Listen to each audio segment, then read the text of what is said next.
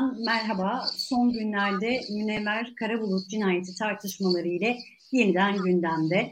Süreç içerisinde e, Karabulut cinayeti ile ilgili çok fazla dezenformasyon oluştu. Bu cinayet nasıl tartışılmalı, nereden ele alınmalı? Haklar raporunda konuşacağız. İki konuğumuz olacak. Gazete Duvar yazarı Aylin Dağsal Güler ve Kadın Cinayetlerini Durduracağız platformu genel sekreteri Fidan Ataselim yayın konuğumuz olacak.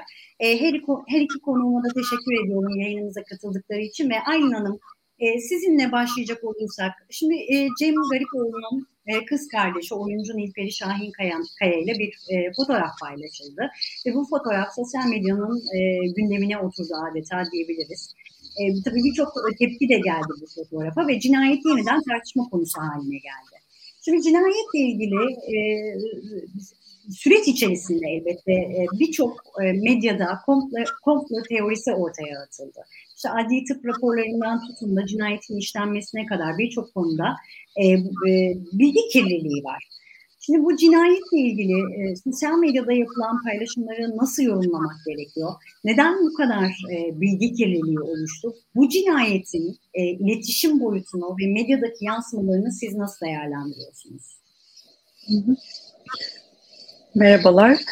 Ee, bu cinayet e, 14 yıl süresince zaman zaman e, tekrar tekrar gündeme geliyor.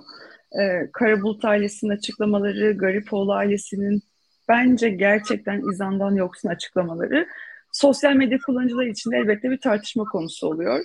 Ee, Karabulut ailesinin gönüllü avukatlığını üstlenen Rezan Epözdemir'in geçen günlerde paylaştığı açıklamalardan tekrar hatırladık ki kendisine teklif eden, e, edilen milyon euroluk rüşvetler, yok edilen belgelerle çok karanlık bir cinayet söz konusu.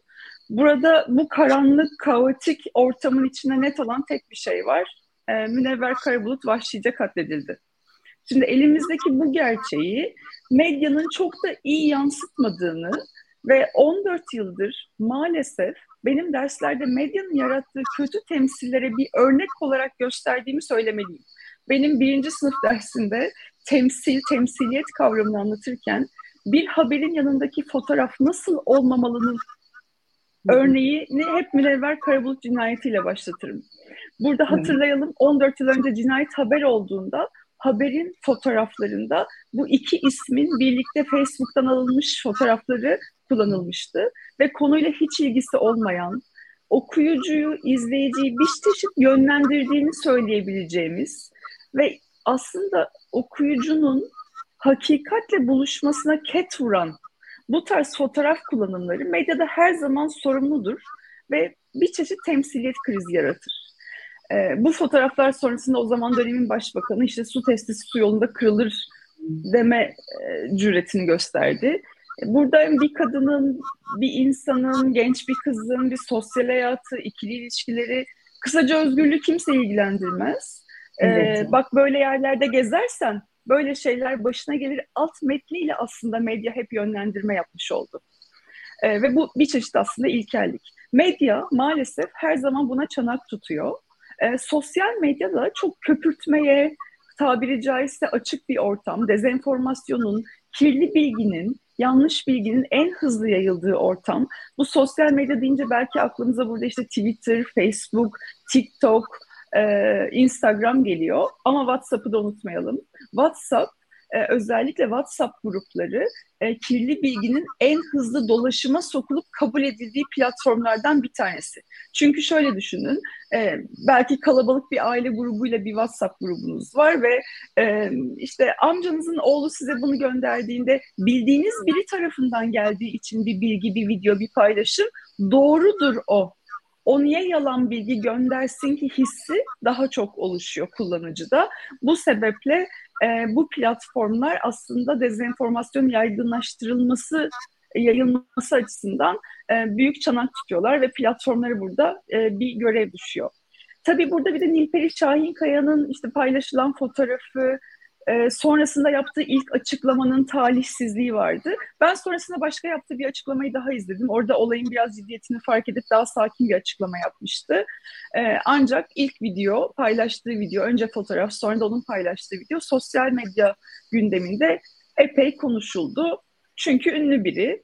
e, ünlü biri paylaştığı zaman e, daha da bunun yayılmasına hani, sebep oluyor. Ayrıca hani bu program için şöyle bir Twitter'da neler yazılmış e, son birkaç e, gündür diye bakarken de karşıma çok ilginç hesaplar çıktı. Yani adı sanı belli, e, anonim bir kimlikle değil de kendi ismiyle açılan ve işte Garipoğlu ailesinin çeşitli ünlü insanlarla bağlantılarını listeleyen hesaplardan, e, komple teorilerini yaymak için kurulduğu çok belli olan diğer hesaplara kadar böyle bilgi kirliliğine çanak tutan hem gerçek kişiler var hem de bir çeşit gerçek kişi ama troll diyebileceğimiz karakterler var. Bunlar tabii ki bir gündem yaratıyorlar. Şimdi komple e, komplo teorileri kısmına geleceğim ama oraya gelmeden önce e, Fidan Hanım'a şunu sormak istiyorum. Fidan Hanım, e, kadın dernekleri bu cinayeti nasıl okuyor, nereden tartışıyor? Hı hı. Ee, Münevver Karabulut vahşice öldürüldüğünde e, biz hatta ilk e, duruşmayı Emekçi Hareket Partili Sosyalist Feministler olarak takip etmiştik. Aileyle ilişki kurmuştuk ve bunun ardından aslında koca bir kadın cinayetlerini durduracağız diyerek bir örgüt var ettik. Yani aslında Münevver Karabulut cinayeti ilk işlendiği zaman da e, Münevver Karabulut'un ailesini çok yıpratmaya çalıştılar. Hem çeşitli paralar döndü, para hesapları döndü gündeme getirdiler. Garipoğlu ailesi çok güçlü ve zengin bir aileydi. Bu anlamıyla çeşitli şüpheler, çeşitli söylemler dolaşıma giriyordu. Ve az önce hocamızın da söylediği gibi basında yer aldığı hali çok kötüydü. Ee, örneğin işte aş, aşk cinayeti diye manşetler atıldı, testere cinayeti diye manşetler at, atıldı. Bu dönemleri hatırlıyoruz. Hatta biz Kadın Cinayetlerini Durduracağız platformunu kurduğumuzda ilk yaptığımız şeylerden biri davayı sistematik olarak takip etmek oldu. Orada bir cinayet söz konusuydu ve bu bir kadın cinayetiydi ve e, o açıdan bir kadın cinayetini meşrulaştırmak için her türlü şeyi herkes en yetkilisinden en e, sade vatandaşına kadar herkes bunu gündem ediyor durumdaydı. Ailenin bu anlamıyla davaya sahip çıkması önemli bir yönüydü. E, ikinci yaptığımız şey de şu olmuştu. Bütün basın yayın kuruluşlarını ziyaret ettiğimizi ben hatırlıyorum. Bir dosya hazırlayarak. Bu tür haberleri böyle vermemeniz gerekir. Meşrulaştırmamanız gerekir. Bu bir kadın cinayetidir diye çok ifade ettik ve çok mücadelesini yürüttük yıllar boyunca. E, o açıdan meseleyi en başta özellikle son günlerdeki bu sosyal medyadaki paylaşımlar üzerine de diyorum. E, çok spekülasyonlar dönüyor, komplo teorileri üretiliyor ve bütün bunların içerisinde ya da magazinleştirilmeye çalışılıyor mesele. Bunların arasında Münevver Karabulut'un bir kadın cinayeti olduğu gerçeğinin üstü de örtülmüş oluyor diye de düşünüyorum açıkçası. O yüzden başta bunun bir kadın cinayeti olduğu, kadın olduğu için bu şekilde vahşice öldürüldüğü gerçeğini ortaya koymak gerekir. Ve ne yazık ki sadece Münevver Karabulut değil, Münevver Karabulut'un mücadelesi, davası, ailesiyle birlikte yürüttüğümüz süreçle birlikte şu anda e, o yıllar içerisinde nice münevverin hayatta kalmasını sağladık. Maalesef ki nice münevver de tıpkı onun gibi aramızdan vahşice erkekler tarafından, sevgilileri tarafından, ayrıldıkları erkekler tarafından, eşleri, eski eşleri tarafından kadınlar öldürülmeye devam ediyor. O açıdan ilerleyen vakitlerde çözüm yol yöntemlerini de konuşuruz elbette ki. Evet. Burada bir de şu kritik e, Didem Hanım. E, genelde kadın cinayetlerinde başka durum başka ailelerde de gözlemliyoruz. Öldüren katilin ailesinin hem cinayet işlerken e, çocuklarına kol kanat gerdiklerini, olayın üstünü delilleri karartmaya çalıştıklarını ya da planlayarak bu bir cinayeti işledikleri durumlarla karşılaşıyoruz. Eğer planlayarak işlenmiş bir cinayet değilse ve gerçekten dahilleri yoksa bu cinayetin işlenmesinde kendi çocukları dahi olsa bir ölümlü durum ortaya çıktıktan sonra her ne olursa olsun herkesin atacağı adıma, söyleyeceği şeylere dikkat etmesi gerekir. Bir, öldürülmüş olan o kadına saygıdan ötürü. İkincisi, hayatta olan yakınlarına. Bu e, çok olumsuz etkisi oluyor. Çok örselenmiş oluyor aileler. Çok yeniden yeniden bu cinayeti yaşıyorlar ve hissediyorlar. Ve bunun bir üçüncü tarafı olarak da bütün kadınlara bir mesaj verilmiş oluyor. Yani bir kadın cinayetinin ardından e, öldüren failin yakınlarının nasıl tutum aldığı e, bütün kadınları etkileyen bir yönü olduğunu da belirtmek isterim. Demek ki ne kadar kolay bunlar bu cinayetler işleniyor ve bu e, kendi e, ailesi içerisinde sosyal yaşantısı içerisinde de hiçbir etkisi olmadan tam tersine o erkeklere sahip çıkıldığı ve bunun meşrulaştırılmaya çalışıldığı, şiddetin normalleştirilmeye çalışıldığı bir tablo olarak önümüzde duruyor. Bu anlamıyla da eğer bir dahiliniz yoksa da buradan bütün yani hani yakınlara da seslenmek isterim. E, öldürülen kadının ailelerini gözünüzün önüne getirin ve e, böyle olmamasını sağlamak mümkün diyerek bir tutum alırsanız eğer başka kadınlar öldürülmez, başka erkekler de e, suç alıp ceza evine girmez. Yani her bütün yönüyle bakacak olursanız e, burada aslında temel meselenin nasıl da toplumsal cinsiyet eşitsizliği olduğunu da görüyoruz. Bu eşitliği kabullenmek zorunda herkes. Bu eşit yaşamı, herkesin kendi hayatıyla ilgili karar alabileceğini ve yaşam hakkımızın biricikliğini ortaya koymak ve onu korumak önceliğiyle hareket etmek lazım. Peki. Ee, şimdi Aydın Hanım e, özür dileyerek biz sizin sesinizi kıstık. E, tamam. Siz, e, Selen sen mi açtın sesi? Selen. Selen. Peki. E, sesiniz çünkü arkadan cırcır böceklerinin sesi geliyor. O yüzden Fidan Hanım'a karışmasın diye sesinizi kıstık ama şu anda açık galiba sesiniz. Bir sesinizi duyabilir miyim çok özür dileyerek? Ee, çok özür diliyorum. Ee, kapattığımda camı çok e, sıcak olacak diye klima yok ortamda. Ee, ama çok engelliyorsa yine de birkaç dakikalığına kapatırım. Ben böyle terleyen birisiyim. Kusura bakmayın. Ee, Ka- kapatayım mı camı? Ama biz Fidan Hanım konuşurken sizin sesinizi kısacağız bilginiz olsun. Tamam, ee, tamam tabii şimdi, ki. E, bu noktada Aylin Hanım'la e, devam edeceğim tekrar. Şimdi Aylin Hanım, Cem Garipoğlu'nun intihar meselesi. Bu da çok tartışıldı, bu da çok konuşuldu.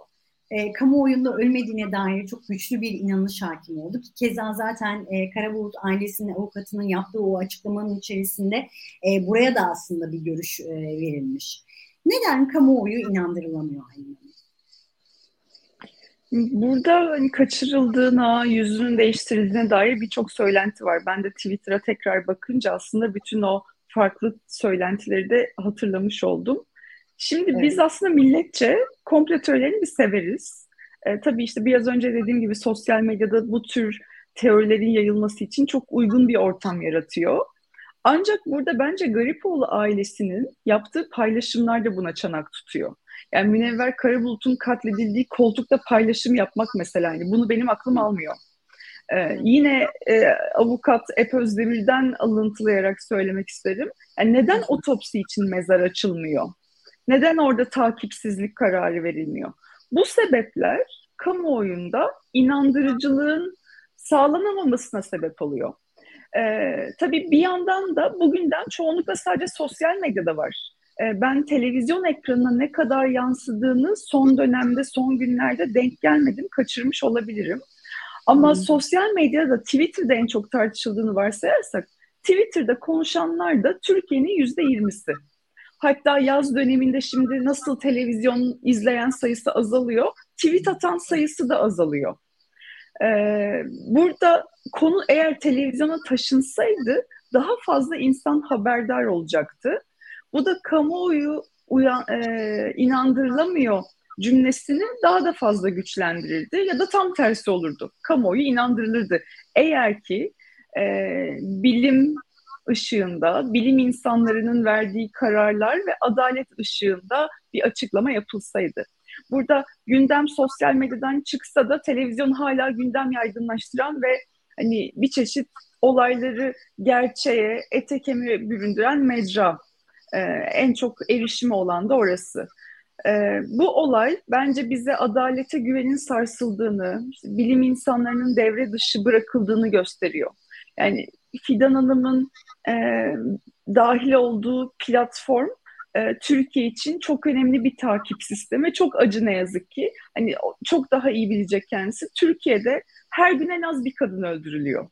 Evet. Hani rakamları indirgemeye başladığımız derecede çok sayıda kadın katlediliyor ve öldürülenlerin bir sosyal çevresi var, toplumsal kimlikleri var ama bunlar onun insan olduğunun önüne geçip o kimliklerle, çevreyle, geçmişte bıraktığı izlerle, dijital ortamdaki izlerle aslında o kişinin yaftalanmasına, tırnak içinde söylüyorum çok kötü bir, çok negatif bir cümle ama hak etmiştir belki yargısı üretilmesine sebep oluyor.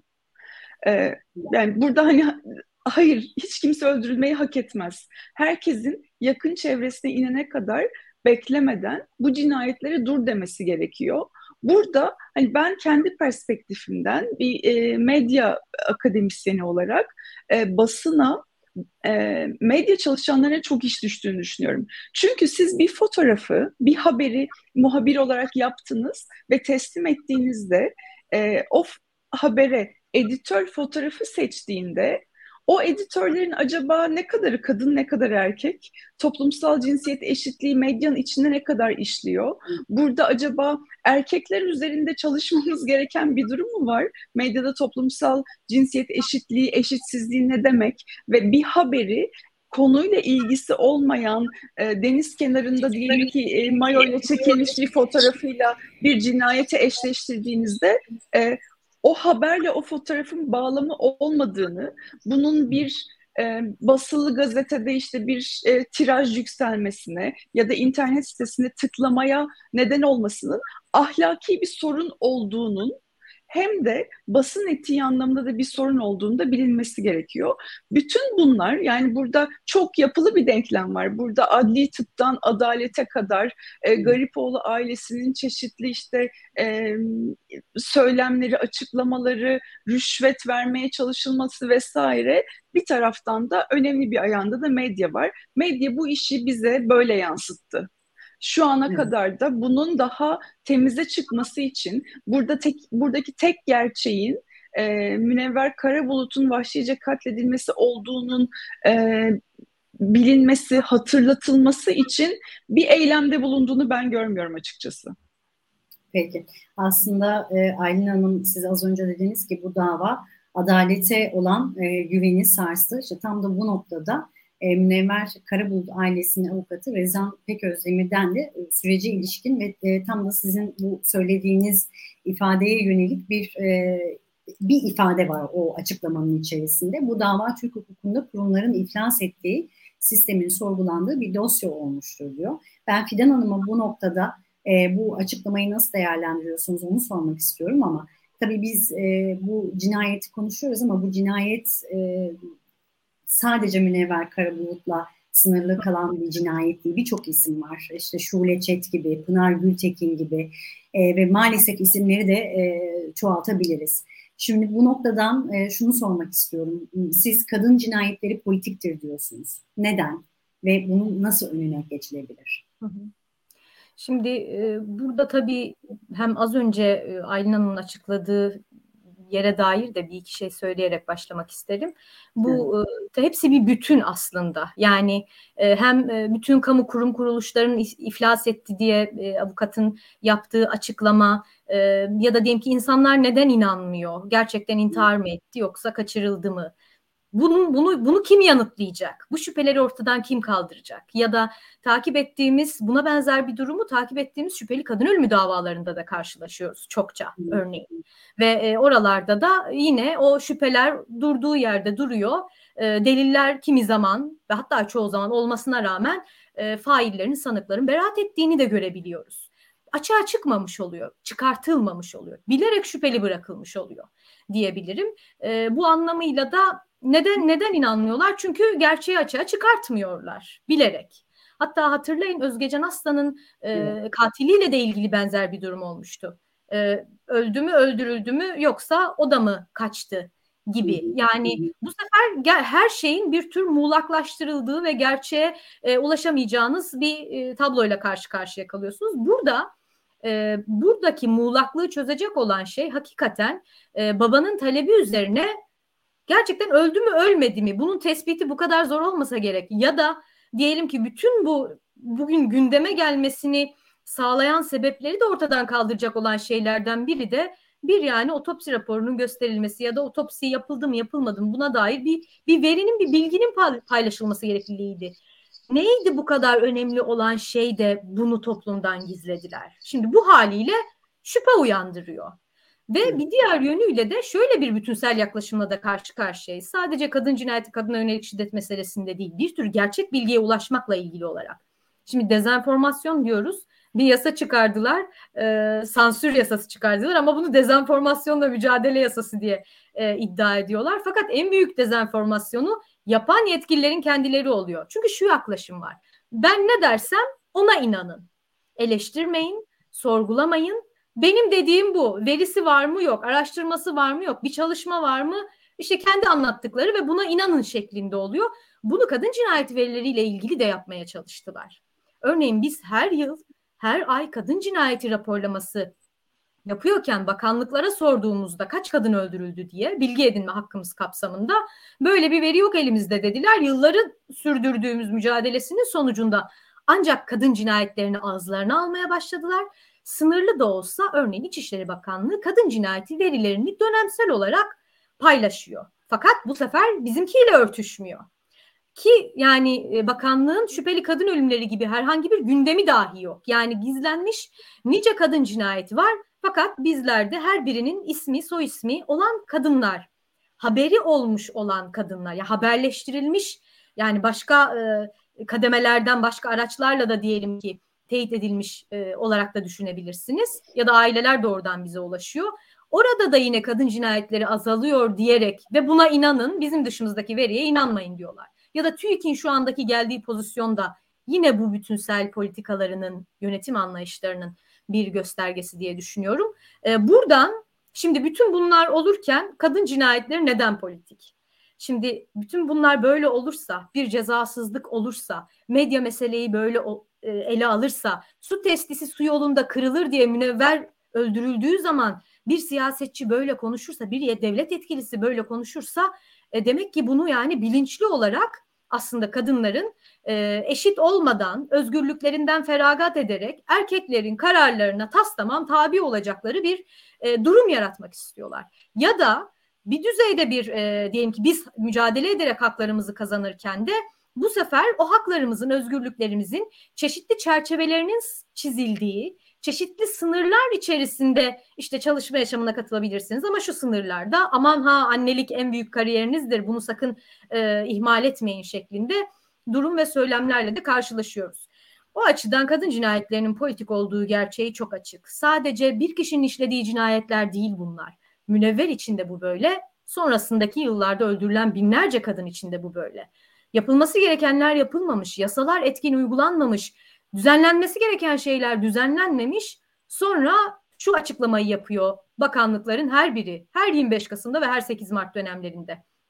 Kadın yönelik şiddete sıfır tolerans diye ifade ediyorlar. Fakat gereğini yapmamış pozisyondalar ve bir diğer e, ekleyeceğim e, şey de şunu söylüyorlar. Kanunlarımız var ama işte toplumun değişmesi lazım. Yani bir tür kendilerini görevsizleştirmeyle e, topluma bunu anlatmaya çalışıyorlar. Hiç değişmez bir şeymiş gibi anlatmaya çalışıyorlar. Nasıl değişmez bir şey? Tamamen halbuki bakanlıkların, yetkililerin politikaları doğrultusunda şekilleniyor insanların hayatı. Buna bir örnek daha verebilirim. İstanbul Sözleşmesi'nden imza geri çekildiği zaman çok politik bir karardı. Tamamen siyasi bir karardı. Tek kişinin verdiği karardı ve hukuken de tartışmalı biliyorsunuz. İstanbul Sözleşmesi'nden imza geri çekildi. Doğrudan 6284'ü uygulayıcı pozisyonda olan kolluk, savcılar, hakimlerin ele alışı değişti. Doğrudan. Şimdi yasa uygulayıcıların ele alışı değişirse örneğin şöyle söylüyorlar. İstanbul Sözleşmesi yok artık 6284 ile ilgili koruyucu önleyici tedbirleri daha sınırlı veriyorlar ya da kararı yenilemiyorlar ya da e, polisi arıyor e, kadınlar uzaklaştırma kararı var. Etrafında dolaşıyor bu adam diyorlar. Evinize girmeden giremeyiz. Çünkü şu an İstanbul Sözleşmesi yok diyorlar. Yani e, hukuken aslında doğrudan bir e, İstanbul Sözleşmesi'nin imza geri çekildiğinde o bir Avrupa Konseyi Sözleşmesi. 6284 iç hukukumuzda olan bir kanunumuz. Birbirini böyle etkilememesi gerekirken politik olarak nasıl etkisi olduğunu görüyoruz. Ve sadece uygulayıcılarla da kalmıyor. Potansiyel fail erkekler zaten şöyle düşünüyorlar. Ha devlet yetkilisi de böyle dedi. Bu mantık o kadar yerleşik ki herkesin baktığı, sözünü dinlediği, kişilerin ne dediği toplumu çok ilgilendiriyor. Zaten şöyle bir şey de var e, Fidan Hanım. Mesela etrafınızda şiddete uğrayan bir kadınla konuştuğunuzda e, niye şikayet etmiyorsun e, diye sorduğunuzda şikayet etsem ne olacak ki? Yani kadınlarda da böyle bir e, algı yerleşmiş durumda. Evet ve çok kısa şunu da ekleyebilirim bu bölümle ilgili olarak. Burada bir de e, dikkatimizde olması gereken bir mesele daha var. Şimdi yetkililerle ilgili kısmı konuştuk. Bizimle ilgili olarak da kadın cinayetleri ne kadar politikse kadın cinayetlerini durdurmak için yürüttüğümüz mücadelenin de bir o kadar politik ve karşımızdaki örgütlülük kadar bir o kadar örgütlü olmamız gerektiğini düşünüyorum. Biz Kadın Cinayetlerini Durduracağız platformu, kadın meclisleri olarak bu deneyimi var etmeye çalışıyoruz. Bunun için çok çaba sarf ediyoruz ve e, çeşitli noktalarda kimi zaman saldırılara geri adım attırabildiğimiz, kimi zaman kadınların gerçekten hayatta kalmasını sağlayabildiğimiz ve elbette ki politik e, alanda, siyaset alanında da e, bütün bunların bir Şimdi 6284'ü tartışmaya açıyorlar. Şimdi politik mi değil mi? Buna karşı bir politika üretmeniz gerekiyor. Neden 6284 kadınların can simididir? Nasıl kadınları hayatta tutuyor? Ve nasıl yetkililer buna el uzatmaması gerekir? Neden? Bunu bunu anlatıyorsunuz. Bunun hem eylemini, hem e, politik içeriğini, metnini, hem e, bunun e, diyelim ki yetkilileriyle görüşmesini ve bizzat pratik olarak da her bir kadınla ilgili bu yasanın uygulanması mücadelesi böyle bir bütünsel süreç oluyor. O yüzden e, mücadelesinin de e, bu oranda politik olarak yürütülmesi gerektiğini çok kritik olduğunu eklemek istedim sadece e, Temmuz ayı verilerine baktığımızda dahi e, ve sizin hazırladığınız veriler bunlar. Kadın cinayetlerini durduracağız platformunun 2023 Temmuz ayı e, verilerine baktığında e, sadece Temmuz ayında 25 kadın öldürülmüş ve 9'u e, şüpheli ölüm. Ayrıca 9'u şüpheli kadın ölüm. Ayrıca 9'u şüpheli evet. ölüm. Bu, bu 25 kişinin 8'inin e, evli olduğu erkek tarafından öldürüldüğünü görüyoruz e, yine raporun içerisinde. 7'si birlikte olduğu erkek tarafından öldürülmüş. 3'ü eskiden evli olduğu kişi için öldürülmüş. E, ne yazık ki ikisi oğlu ve biri babası, biri de tanıdığı bir erkek tarafından. Ve burada şunu da görüyoruz Didem Hanım. bu veriler o yüzden bizim için çok önemli oluyor. Gerçeği görmek için, sebeplerini analiz etmek için ve dur, nasıl durduracağımıza dair de bize önemli ipuçları veriyor diye düşünüyoruz. Ee, Az önce söylediniz. Yani aslında e, kadın cinayetlerinde failler öyle çok uzakta tanımadığımız yerlerden çoğunlukla gelmiyor. En çok en yakınlarımızdan geliyor bu şiddet. Ve e, burada maalesef ki e, buna kadınların e, boyun eğmesini telkin ediyor durumdalar bunu tavsiye ediyor durumdalar. 6284'ü sınırlamaya çalışmaları çabası bu. Aileyi dağıtıyor diye bir e, sözde bir söylemler var yani hani aileyi dağıtıyor 6284. Bir şiddet varsa eğer hangi aileden söz ediliyor? Ya da diyelim ki ailenin bütünlüğü bir kadının yaşam hakkından, özgür yaşamasından, şiddetsiz yaşamasından daha mı önemli bir şey? Ki bunun zaten çocuklara etkisini gördüğümüzde de o, o ailenin diğer üyelerine etkisini gördüğümüzde de görüyoruz. Ve son zamanlarda çok artan bir başka şey de şu ki kadın cinayetlerinde erkekler sadece kadınlara şiddet uygulayıp kadınları öldürmüyor. Kadınların yanında çocuklarına da şiddet uyguluyorlar. Çocuklarını öldüren babalar da var. Eğer diyelim ki kadınlar ailelerinin yanına sığınmışsa o cinayeti engellemeye çalışan kadının aile üyelerini de öldürüyorlar. Bu tür durumlarla da karşılaşıyoruz. Şiddet sadece kadına yöneliyor ve orada kalmıyor durumda. E, bunun daha yayılmaması, yaygınlaşmaması için e, etkin bir sürecin işlemesi gerekliliği çok açık. Peki. E, kamuoyunda yeniden tartışılan Münevver Karabulut cinayetiyle ilgili oluşan dezenformasyonu ve cinayetin nasıl ele alınması gerektiğini konuştuk. Her iki konuma da teşekkür ediyorum. Gazete Duvar yazarı Aylin e, Dağsal Güler ve Kadın Cinayetlerini Durduracağız platformu Genel Sekreteri Fidan Ataselim yayın konuğumuzdu. Görüşmek dileğiyle. Her iki